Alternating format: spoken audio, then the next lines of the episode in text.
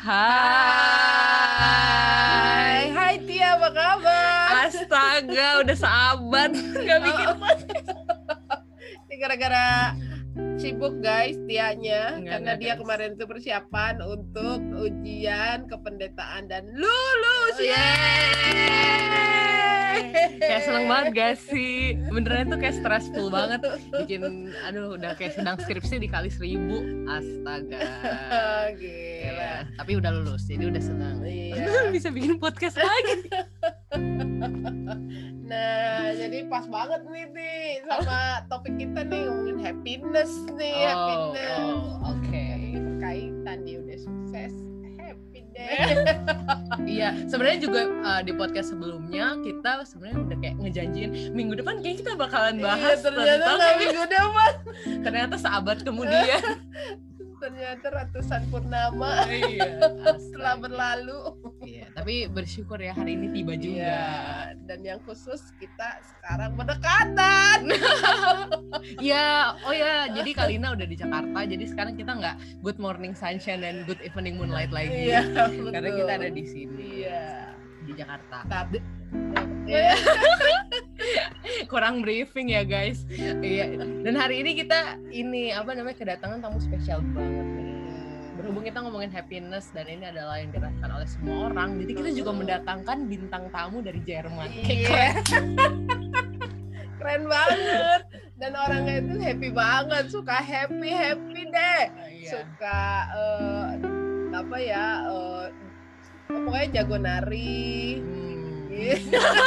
Eh, iya ya. Aku Bener. dia dia eh, guru eh, aerobik kami kalau ada acara. Oh iya, jadi ini lagi nyebutin CV guys. Oke, kita langsung aja kali ya. Iya. Iya, nanti boleh. mungkin kalau misalnya uh, mau kenalan atau kesebut-sebut di tengah-tengah obrolan bisa semakin mengenal star kita hari Iya ini. benar. Iya, kita panggil Kasali. Kasali Nepasari. Neparasi. Aduh, dia salah nama deh. Maaf Sali, maaf. Aku jadi Nagasari. Eh, udah biar Kak Kasali yang kenalin Oh, diri. iya, iya, iya. Ya, memperkenalkan Halo semuanya. Nama saya Sali Reparasi. Hati jangan salah jadi reparasi ya. saya temennya Kak Lina. Em, tadi dibilangnya guru nari ya, sebenarnya itu hobi ya Bu. Kemudian dari Iya. Jerman, ya benar sih lagi studi Hmm. seru-seruan aja Tuh kan, kayak pas banget kan sama topik kita Iya, hari ini tentang happiness. Iya, Kak Sali di Jerman itu lagi studi sambil uh, menikmati happy happy Iya. ya. Atau terbalik sebenarnya happy happy sambil studi. Iya. kayaknya yang kedua deh oh gitu ya. Oke deh.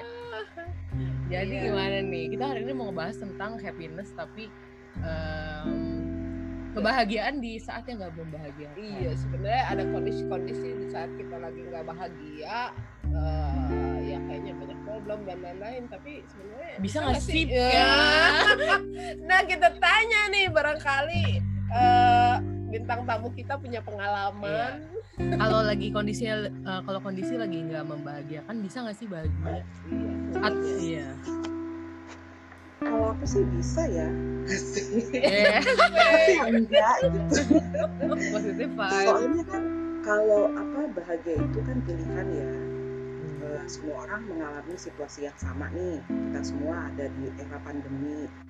Semua orang merasa kesepian eh, berjarak gitu kan ya. Apalagi kayak aku studi di era pandemi ini nggak pernah ketemu teman di kelas secara langsung. Jadi semua kuliah online gitu ya. Ngobrol sama profesor juga online. Ya ini aja udah hampir dua minggu aku nggak ngobrol sama manusia kayaknya Kita manusia-manusia pertama. Iya, bener. Ini ngobrolnya sama siapa ya? nah itu coba sama siapa sama Tuhan jadi kalau aku nih salah satu cara bahagia misalnya zumba ya nah suka zumba gitu happy kalau misalnya gerak-gerak badan tapi aku juga suka nyoba masak memasak gitu ya walaupun masakannya hanya bisa aku nikmati sendiri gitu. Kalau orang lain nggak tahu deh gitu. Suka nonton YouTube terus nyoba eh, resep-resep baru pernah bikin roti rotinya bantet. Tapi tetap happy gitu ya. Kenapa? Karena prosesnya sih yang aku hargai ya. Ternyata aku mau belajar gitu. Ternyata aku bisa eh, mencoba mau mencoba walaupun hasilnya nggak sebaik seperti yang digambarkan di YouTube saudara-saudara. Yang penting angan-angan udah wah bagus nih. Begitu jadi jenggreng oke. Gak apa-apa gak apa-apa. Masih ada kesempatan 2, 3, 4 dan berikutnya. Jadi yang happy itu nyoba yang baru-baru itu terus gagal ketawa sendiri eh, belajar sendiri apa yang perlu ditambahin apa yang perlu dikurangin. Gitu. Jadi happy itu pilihan aja sih. Bebas-bebas aja. Tapi pernah gak sih kak, kak, kak, Kak Sali kan ini kuliah di, di luar negeri ya. Tadi bilang juga lagi pandemi ini kayak sepian, gak ngobrol sama manusia. Terus, terus kemudian sekolah kan juga pasti struggling juga gak sih?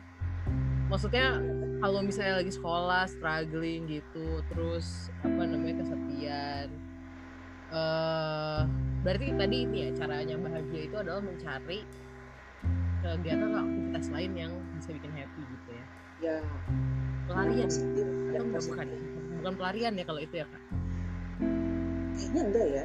Kalau untuk aku ya sometimes mungkin kita merasa itu bisa jadi pelarian tapi pelarian yang positif gitu kan yang mengembalikan energi gitu ya kak? Iya. Untuk bisa bertahan dan melanjutkan kehidupan. Betul banget. Kan udah lulus uh, lebih Lulus loh ini, keren. Ya, tapi Sali kalau dibilang bahwa bahagia itu pilihan gitu ya. Tapi kan kadang-kadang gini eh, ya orang hidup tuh kadang-kadang masalah bukan cuma satu gitu kan ya. Berlipat-lipat. Nah terus gimana dong memilih? Kayaknya so, kalau dilihat pilihan-pilihan yang ada itu ya belum tentu bisa bikin bahagia bisa belum tentu bisa memilih bahagia gitu loh. Mhm. karena pilih jalan ini resikonya ada lagi balik mungkin ada masalah lain gitu loh. Pilih yang ini ada lagi masalah yang lain. Nah itu gimana kalau bilang bahagia kalau aku sih melihatnya ya hidup ini selalu ada sisi hitam dan putihnya bahkan ada area abu-abunya gitu kan. Kalau kita memilih bahagia kita juga siap mesti nggak bahagia gitu. Karena setiap pilihan yang kita ambil kan kita nggak tahu dengan pasti ya ujungnya itu bahagia 100% atau 80% aja 20 nya itu ada bumbu-bumbu pedesnya gitu. Kayak kalau bakso nggak ada pedes-pedesnya nggak rasa enak gitu ya. Kok jadi kebayangin bakso sih kita? Eke kayaknya. Kangen bakso. Aku belum makan bakso loh. Belum ya aduh kudu deh Kalina iya. Itu jadi kayak misalnya berapa hari yang lalu ya aku lagi ngerjain tugas. Terus tetangga tetanggaku ini ada yang ribut. Di sebelah luar sana ribut sampai polisi datang. Yang sebelah sini pasangan ribut gitu ya. Jadi antara aku mau belajar itu susah. Dua-duanya ini suaranya keras banget gitu ya pilihanku cuman ada dua. Pada saat itu yang aku lihat ya aku eh, akhirnya berhenti ngerjain tugas karena nggak sanggup mendengar suara orang berantem terus aku marah-marah juga karena kesel sama kelakuan mereka. Atau pilihan yang ketiga gitu yang aku ambil pada akhirnya yaitu matikan laptop memang lalu berdoa minta Tuhan menenangkan hati mereka yang lagi panas supaya mereka bisa bicaranya baik-baik sebagai orang dewasa. Terus sepakat untuk berdamai sehingga kondisi eh, lingkungannya kondusif lagi untuk aku belajar gitu.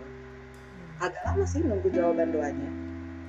Jadi happiness misalnya bagi aku adalah ketika untuk kasus itu ya ketika orang lain berhenti bertengkar dan aku juga mendapatkan efeknya atau dampaknya gitu ya dari kondisi ketenangan mereka.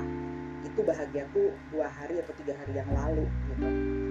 Kalau dibilang bahagia eh, 100% enggak juga gitu ya. Karena aku harus menunggu mereka semua ini tenang eh, berhenti dari keributannya dan karena menunggu mereka sambil berdoa berarti aku juga harus berhenti dari mengerjakan tugas. Jadi dari kasus ini menurutku happiness itu memang pilihan tapi juga bukan pilihan yang mudah karena ketika kita ingin bahagia ternyata kita juga harus mendoakan orang lain misalnya. Karena kebahagiaan mereka ngefek atau berdampak untuk kebahagiaan kita. Untuk pengalaman aku dua tiga hari itu begitu di sini.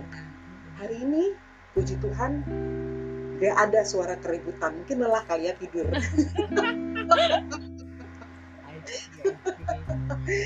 Gitu.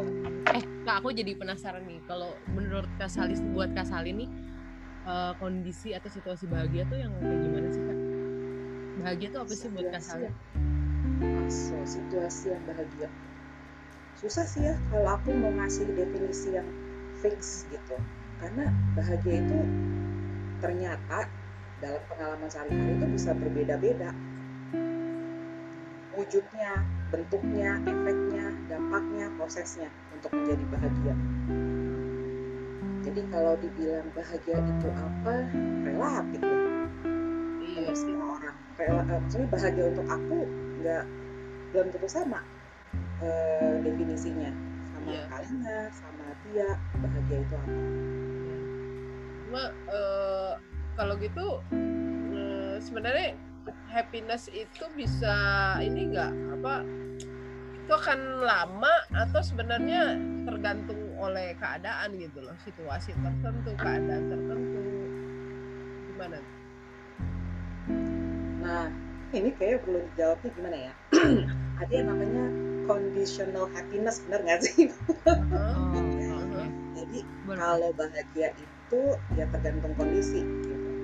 Iya. Kalau misalnya kondisinya sejahtera, nggak kekurangan apa pun, eh, aman, eh, orang biasa mengatakan ya aku bahagia gitu kan. Bisa dapetin eh, apa yang aku mau gitu kan. Bahagia gitu. Itu sebenarnya definisi umum kali ya semua orang ya nggak sih? Iya ya benar-benar.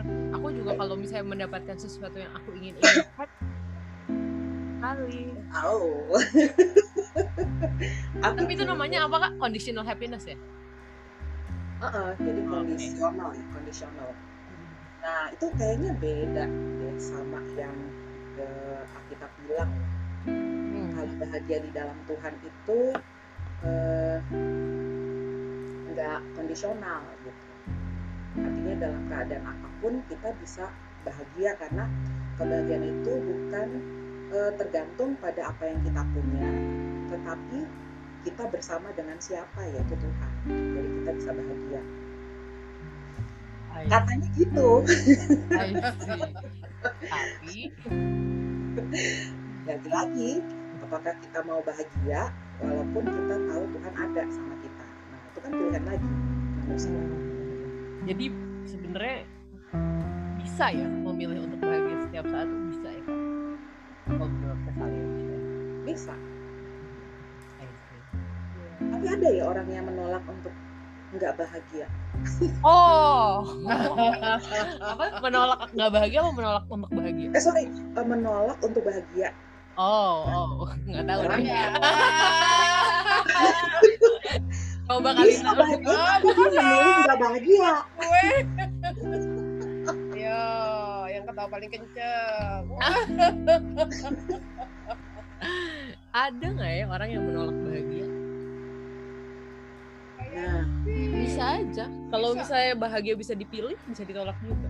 iya tapi entah deh kalau pakai kalau kalau gua inget soal apa ya eh, piramid kebutuhan ya eh, Abraham Maslow. Maslow. Kita bicara itu kan bicara tentang kebutuhan yang sebenarnya kalau kalau gue lihat sih itu semacam so apa ya tiap orang eh, butuh apa ya mencoba mencari kebahagiaan gitu kan. Nah yang paling top di puncaknya itu kan adalah sebenarnya aktualisasi diri gitu. Iya, betul. orang itu hidup eh, dia tahu eh, bahwa dia eh, ada sesuatu yang yang memang dia lakukan gitu loh mengaktualisasi diri gitu. Jadi rasanya kalau tadi ada nggak sih orang yang menolak bahagia kalau buat sih enggak juga ya karena tiap orang pasti punya kebutuhan itu gitu. bahagia itu menjadi happiness itu menjadi goal rasanya. Tiap orang. Itu enggak bener. Wah, dapat kata baru nih ya. Jadi tapi tapi gini gini. Tapi kebutuhan. tapi gini, iya kebutuhan. Kebahagiaan Heeh. bener sih. Kayak Indian semua orang punya segalanya tapi kalau misalnya misalnya dia nggak bahagia dan Iya, dia tetap nggak konten aja hidup iya pertanyaannya adalah kalau misalnya titik kebahagiaan ya menurut Abraham Maslow itu adalah aktualisasi diri ada nggak sih orang yang dia udah mengaktualisasikan diri? Tapi tetap aja nggak bahagia. Kayaknya ada deh. Hmm, ada juga bisa. Berarti dia ini dong. Jadi bahagia tuh apa sih? Nah itu dia bahagia itu. Definisinya beda-beda. ya, definisinya beda-beda sih susah loh iya. Entahlah tapi kalau yang kalau gua yang gue pahami sih soal aktualisasi diri yang menurut Abraham Maslow itu jadi lebih dia eh, ya gua gua misalnya baca beberapa kisah hidup orang gitu yang udah sukses kerjaan di mana pun juga terus sampai satu titik tetap aja merasa kok kayaknya hidupnya nothing gitu nggak meaningful gitu Nah, mengaktualisasi diri yang gue pahami dari eh, ya kaitannya dengan itu adalah ketika akhirnya dia menemukan happinessnya ketika oh ternyata karir ya eh, semua yang orang bilang dia sukses itu bukan segala-galanya gitu. Jadi ketika dia bisa memberi sesuatu, do something for eh, for everyone gitu, itu dia menemukan kebahagiaannya. Kalau menurut gua itu yang gua tahu tentang aktualisasi diri Melakukan sesuatu yang berguna, yang meaningful untuk diri sendiri dan orang lain. Walaupun orang tidak merespon seperti yang kita harapkan, kita bayangkan, kita tetap bahagia. Mungkin kayak itu. iya iya kalau menurut gue berarti ini tergantung bagaimana seseorang mendefinisikan lagi aktualisasi diri mereka sih iya benar Setuju. karena itu buat gua nggak ditentukan oleh seberapa besar orang me, apa ya memberi apresiasi gitu kan. Nggak eh, seberapa banyak orang memberi penilaian-penilaian yang positif gitu kan kepada apa yang dia lakukan enggak tapi dia happy ya karena ya keluar aja begitu karena dia melakukan sesuatu. Hmm, itu jadi aku ada karena aku berkarya. Iya. Itu kayak kemarin aku nonton eh, di YouTube ya tentang kehidupan Choi Yun Fat. Aktor yang terkenal itu ya. tahu nggak? Nggak tahu nggak tahu. dia nggak tahu. Dia nggak tahu Ya, Sani. Sani bagus banget film-filmnya. ah, dia siapa nggak ya? tahu tahu film Crouching Tiger nggak Iya, Eh, Emma and the King itu juga bagus ya film. Iya, Anna and the King. Iya, iya, ya nggak tahu ya. aduh Ya mungkin beda zaman. Angkatannya, angkatannya beda Sali, jauh. Jauh ya, aduh. Eh, Tua. thank you next ada apa tuh Coyun Fat ada apa Coyun Fat Nah itu tadi ada apa nih cuy? Nah kemarin tuh aku denger gitu ya. Eh, jadi dia itu aktor yang terkenal, eh, sukses, eh, kaya raya, populer gitu ya. Tapi dalam kehidupan sehari-harinya dia tuh hanya tinggal di apartemen yang sederhana, eh, menggunakan transportasi publik selama lebih dari 20 tahun. Dan dia bukan orang yang sombong, dia suka sekali ada di tengah masyarakat gitu ya uh, dekat dengan fansnya dekat dengan kehidupan uh, masyarakat pada umumnya gitu.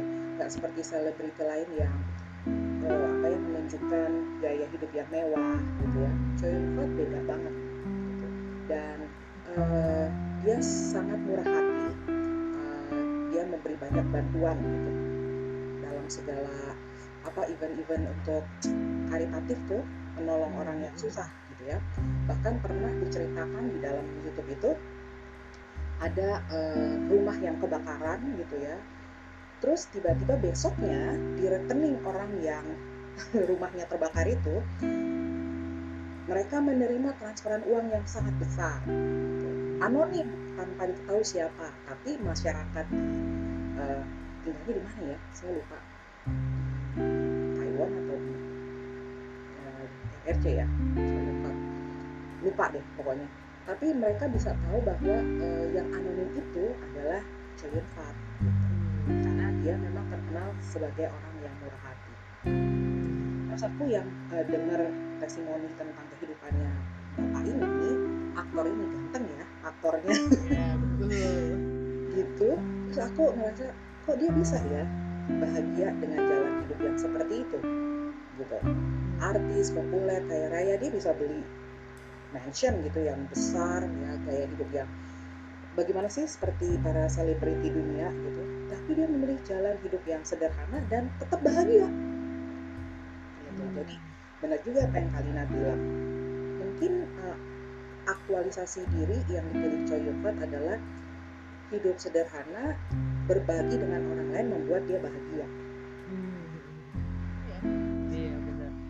Kayak aku misalnya bahagia itu adalah apa waktu itu aku, ah enggak enggak. Waktu itu aku pernah pikir bahagia itu adalah menjadi istri yang solehah. Aku selamat ya. Iya bener. Enggak sih itu dulu. Cuman misalnya sekarang bener juga maksudnya ini tergantung seberapa kita kenal diri juga sih. Kayak apa sih sebenarnya deepest needs kita ternyata aku bahagia kalau orang-orang di sekitarku itu juga bahagia gitu. orang-orang terdekat bisa berbagi kebahagiaan sama orang terdekat bisa mereka bahagia iya sih sebenarnya tergantung iya Mm-mm. Tapi berarti itu tetap ini nggak sih tetap kondisional nggak? Maksudnya kalau in case kita lagi nggak bisa ngapa-ngapain, jadinya nggak bahagia. Itu gimana? bisa ngapa-ngapain kan kayak misalnya ya iya iya lagi juga. iya kan? kayak misalnya persoalan ya pergumulan orang ketika memasuki masa pensiun misalnya ya. Masa bukan cuma pensiun terus kemudian dia sakit dan lain-lain itu seolah-olah kan udah gak bisa ngapa-ngapain kan? Iya nah itu yang kadang eh, ini apa depresinya orang-orang tua orang-orang lanjut usia tuh di situ gitu. Iya. ketika dia nggak bisa ya melakukan apa pun gitu. Semuanya harus bergantung gitu kan. Itu itu, itu depresi jadi bagaimana dalam kondisi itu seperti kasus lansia eh, mereka tetap bisa bahagia menurut teori Maslow eh, dengan aktualisasi diri. Iya nah itu dia. Eh tapi aku nggak teori ini perlu diuji lagi. Iya iya. Menurut aku ya. Apakah orang bisa tetap bahagia meskipun dia tidak bisa mengaktu Iya, diri benar. lagi karena Iya, keterbatasan fisik Iya benar-benar. Makanya itu aku juga sebenarnya sama yang teori Maslow itu juga rada-rada gimana ya. Karena aku sendiri pun gak, gak setiap saat aku bisa mengaktualisasikan diri. Masa apakah itu berarti aku nggak bisa bahagia setiap saat? atau malah bahkan di layer keduanya setelah sebelum puncak gitu ya Eh, kalau nggak salah layer keduanya itu bicara Sosial, relasi. iya relasi gitu loh relasi karena kan orang-orang lansia ya akhirnya bahagia ketika dia bisa punya komunitasnya sendiri gitu kan dia tinggal Benar. bersama dengan temen-temennya gitu Hmm. karena kan mengharapkan anak untuk terus perhatian selalu ada kan nggak selalu bisa gitu betul end Aku up-nya ya mereka ada dalam komunitas mereka gitu yang aku perhatiin gitu Tapi itu tetap kondisional kan? Kalau dianya lagi ditinggal sama siapa sih? Pandemi lagi. iya juga iya makanya. Jadi memang persoalan kebahagiaan ini emang jadi sesuatu yang aku sempat mikir sih kalau menurut aku tuh kadang-kadang justru kebahagiaan semakin dicari semakin semakin susah dapat kayak oh Iya, kayak kayak ngejar kupu-kupu gitu. asik Ya nggak sih ngejar kupu-kupu semakin kita mau nangkep kan, Semakin Ya, susah. Tapi kalau kita tenang aja, diam-diam aja. kita diem kadang-kadang kebahagiaan itu datang sendiri ya Iya benar. Ih bener loh itu, itu bener banget. itu bener ceritanya. Waduh. Ada pengalaman kak? Ya berapa hari yang lalu ada teman papanya ulang tahun. Papanya ulang tahun gitu. Terus eh, ternyata yang ulang tahun ini malah ngirim hadiah ke aku gitu. Hmm. Gue bilang, "Lah, kok malah yang ulang tahun ngirim hadiah buat pendetanya gitu bukan pendetanya atau ya kita kita gitu yang tahu dia ulang tahun yang ngasih kado ternyata di situ aku bilang ehm, kok orang bisa merasa bahagia ya ketika dia tidak menerima sesuatu di hari yang istimewa kan biasa kalau kita lagi ulang tahun happy banget kan ya kalau jam 12 teng gitu ada orang masuk kamar kita happy birthday to you gitu pasti kan. sekarang lagi kesepian nggak ada yang Oh, nyanyiin. bener, tahun. nggak ada. Surprise surprise gimana gitu ya. Pokoknya pada waktu kita ulang tahun kita adalah king atau queen of the day. Semua perhatian kita maunya ke kita gitu kan ini hari spesial kita umumnya begitu tapi ini pengalaman berapa hari yang lalu kebalik justru orang yang berhari ulang tahun merasa dirinya spesial ketika dia mampu share sesuatu sama orang. Nah ini lagi-lagi pertanyaanku waktu nginget-nginget eh, peristiwa ini orang bisa bahagia ya? Ketika eh, kebahagiaan itu tidak tersenter ke dirinya tapi justru mengarah kepada orang lain biasa gitu bahagia tapi pusatnya nggak ke diri melainkan ke orang lain Bener-bener. Aku juga punya pengalaman loh. Coba coba Wow. share pengalaman. jadi guys, jadi ceritanya aku tuh kan baru kelar ujian tuh kemarin. Nggak kemarin, maksudnya kemarin 22 Mei kemarin aku ujian. Dan itu tuh agak sedikit suffer gitu prosesnya karena eh, awalnya aku disuruh bikin satu paper. Terus ternyata ternyata tuh kayak hamin dua ngumpulin paper yang di em, dikasih waktu tiga bulan ngerjain itu. Ternyata harus bikin dua paper. Dan itu kayak udah hamin dua ngumpul.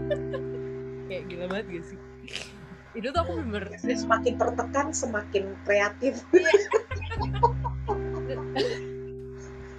Tuh itu tuh di saat itu saat-saat di mana ih nggak tahu lagi ya mau ngapain kayak apa namanya bener-bener nggak tahu.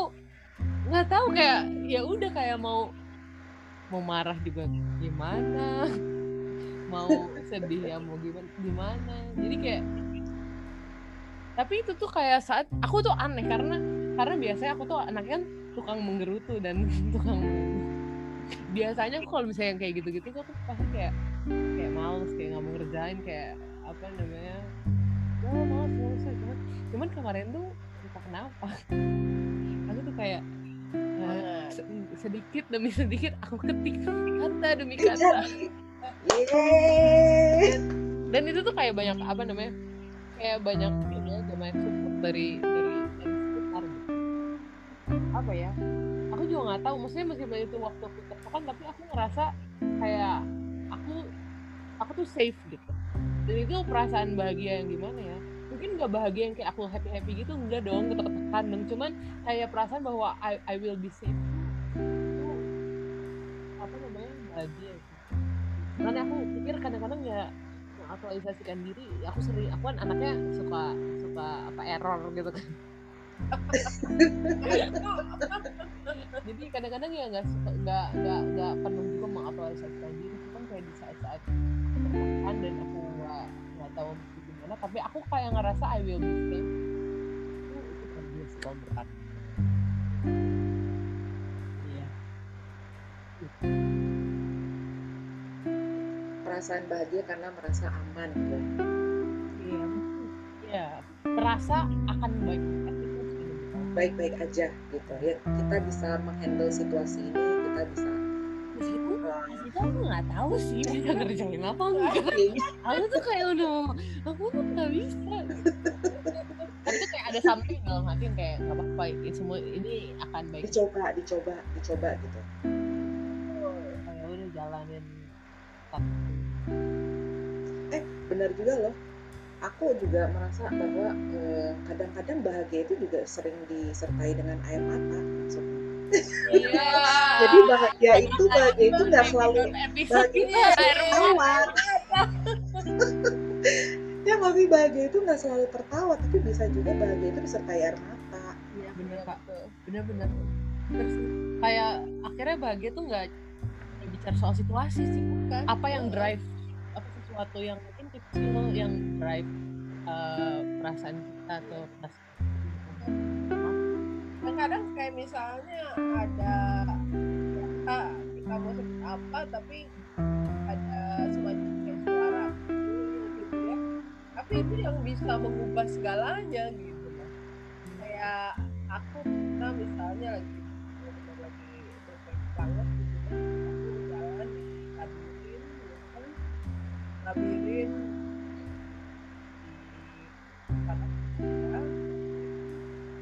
aku merasa bahwa jalanku semua ketutup gitu loh. Nggak tahu lagi mau ngapain tapi tapi ya itu ya orang keras kepala ya dalam doa itu. Dalam doa itu juga gue bilang bahwa eh, kan aku nggak mau nyerahin semuanya nih gitu. Nah nggak nggak mau gitu. karena nggak bisa karena eh, ya entah entah gimana keadaannya saat itu ada jalan. Gak ada jalan dan buat apa nyerahin segala sesuatu juga eh, ya hasilnya juga akan begitu. Jadi terus tiba-tiba kayak apa ya mendengar suara kayak oke silakan. Dan kamu lihat di labirin itu kan kayak kayak labirin itu kan kayak apa ya ya lobang-lobang gitu kan ya. Betul. Kita bisa harus lewatin gitu loh. Terus kayak dia bilang nah itu ada lubang kecil gitu. Ya udah kasih aja yang kecil itu buat aku. Semuanya yang sebagian besar itu silakan kamu ambil gitu ya. Yang kecil kasih aja. Aku yang akan ngambil yang kecil itu dan akan mengubah semuanya. Jadi kayak doa dalam doa itu deal, dealnya adalah gue bilang sama Tuhan bahwa oke boleh silakan ambil yang kecil itu tapi jangan pernah touch untuk yang besar gitu loh. Eh, ya orang kelas kepala begitu ya. Ada deal sama iya Tuhan bener. Nah, dan memang betul bahwa ketika menyerahkan yang kecil itu semuanya berubah. Dari yang eh, mustahil gitu ya menjadi gila ternyata bisa juga gue lewatin gitu. Luar biasa ya. Kadang-kadang kecil tapi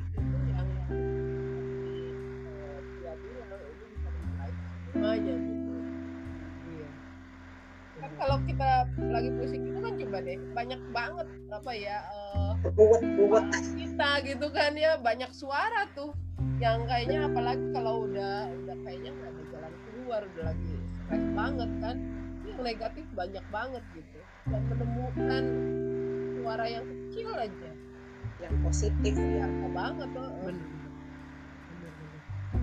Kadang-kadang itu anugerah juga ya. Sebenarnya. nah itu yang kita nah, dapat kata lagi tuh Iya. selain eh, kebahagiaan itu adalah pilihan kebutuhan anugerah Iya Iya. benar. Betul kalau dari kasus yang tadi eh, Kalina ceritanya kita udah nggak punya opsi apa pun karena opsi yang mana pun yang kita pilih jalannya mentok gitu ternyata kebahagiaan itu eh, ternyata bukan hasil keputusan kita aja tapi juga anugerah Tuhan. Ah aku suka yang ini. Suka yang ini suka. Iya. kalau pilihan kan kesannya aku ya aku penentu kebahagiaanku tuh aku. Kalau kebutuhan itu sepertinya natural semua orang ya membutuhkan eh, kebahagiaan gitu.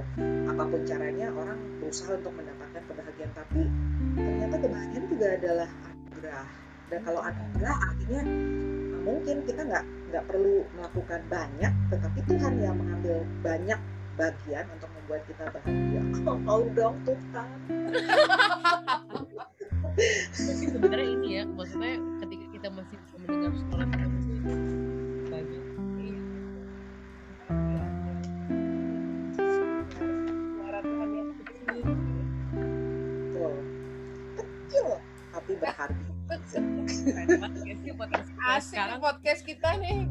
gara-gara bintang tamu kita nih. Iya. Oh, oh. mungkin karena sup aku enak ya. Ah, banget iya iya iya mantap nih. Kayak ini eh, apa namanya mungkin teman-teman juga yang mendengarkan podcast ini bisa sharing juga kali ya. Entah ke benar. Kalina atau ke aku biasa DM DM IG atau WhatsApp. Ya DM IG WhatsApp Iya. silakan. Kalau kalian sendiri gimana? Maksudnya bahagia menurut kalian itu berdasarkan pengalaman. Nah, atau minggu depan kita ini Apa? aja oh, teman-teman boleh memberi lalu kita memberikan ini. Wah tambah seru podcastnya. Bahagia itu adalah gitu Oh, ya. iya.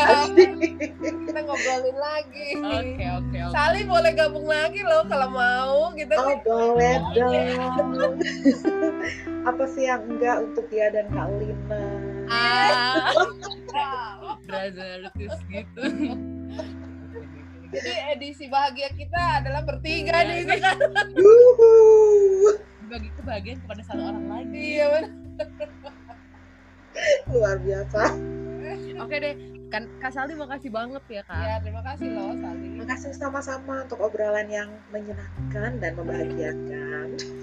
Enjoy Jakarta. Iya, thank you ya kak Thank you. Dadah. sampai jumpa teman-teman semua Bye sampai jumpa minggu depan. Iya, mudah-mudahan minggu depan Iya. biasa suka PHP maaf ya ini masih menganut moto uh, living effortlessly. Yeah. kalau kita sibuk kadang-kadang ya aduh ya udah deh besok lagi. Ya gitu deh. Pokoknya nanti kalau ada lagi pasti akan diposting sama Kalina di IG oke okay. bye guys. Bye guys.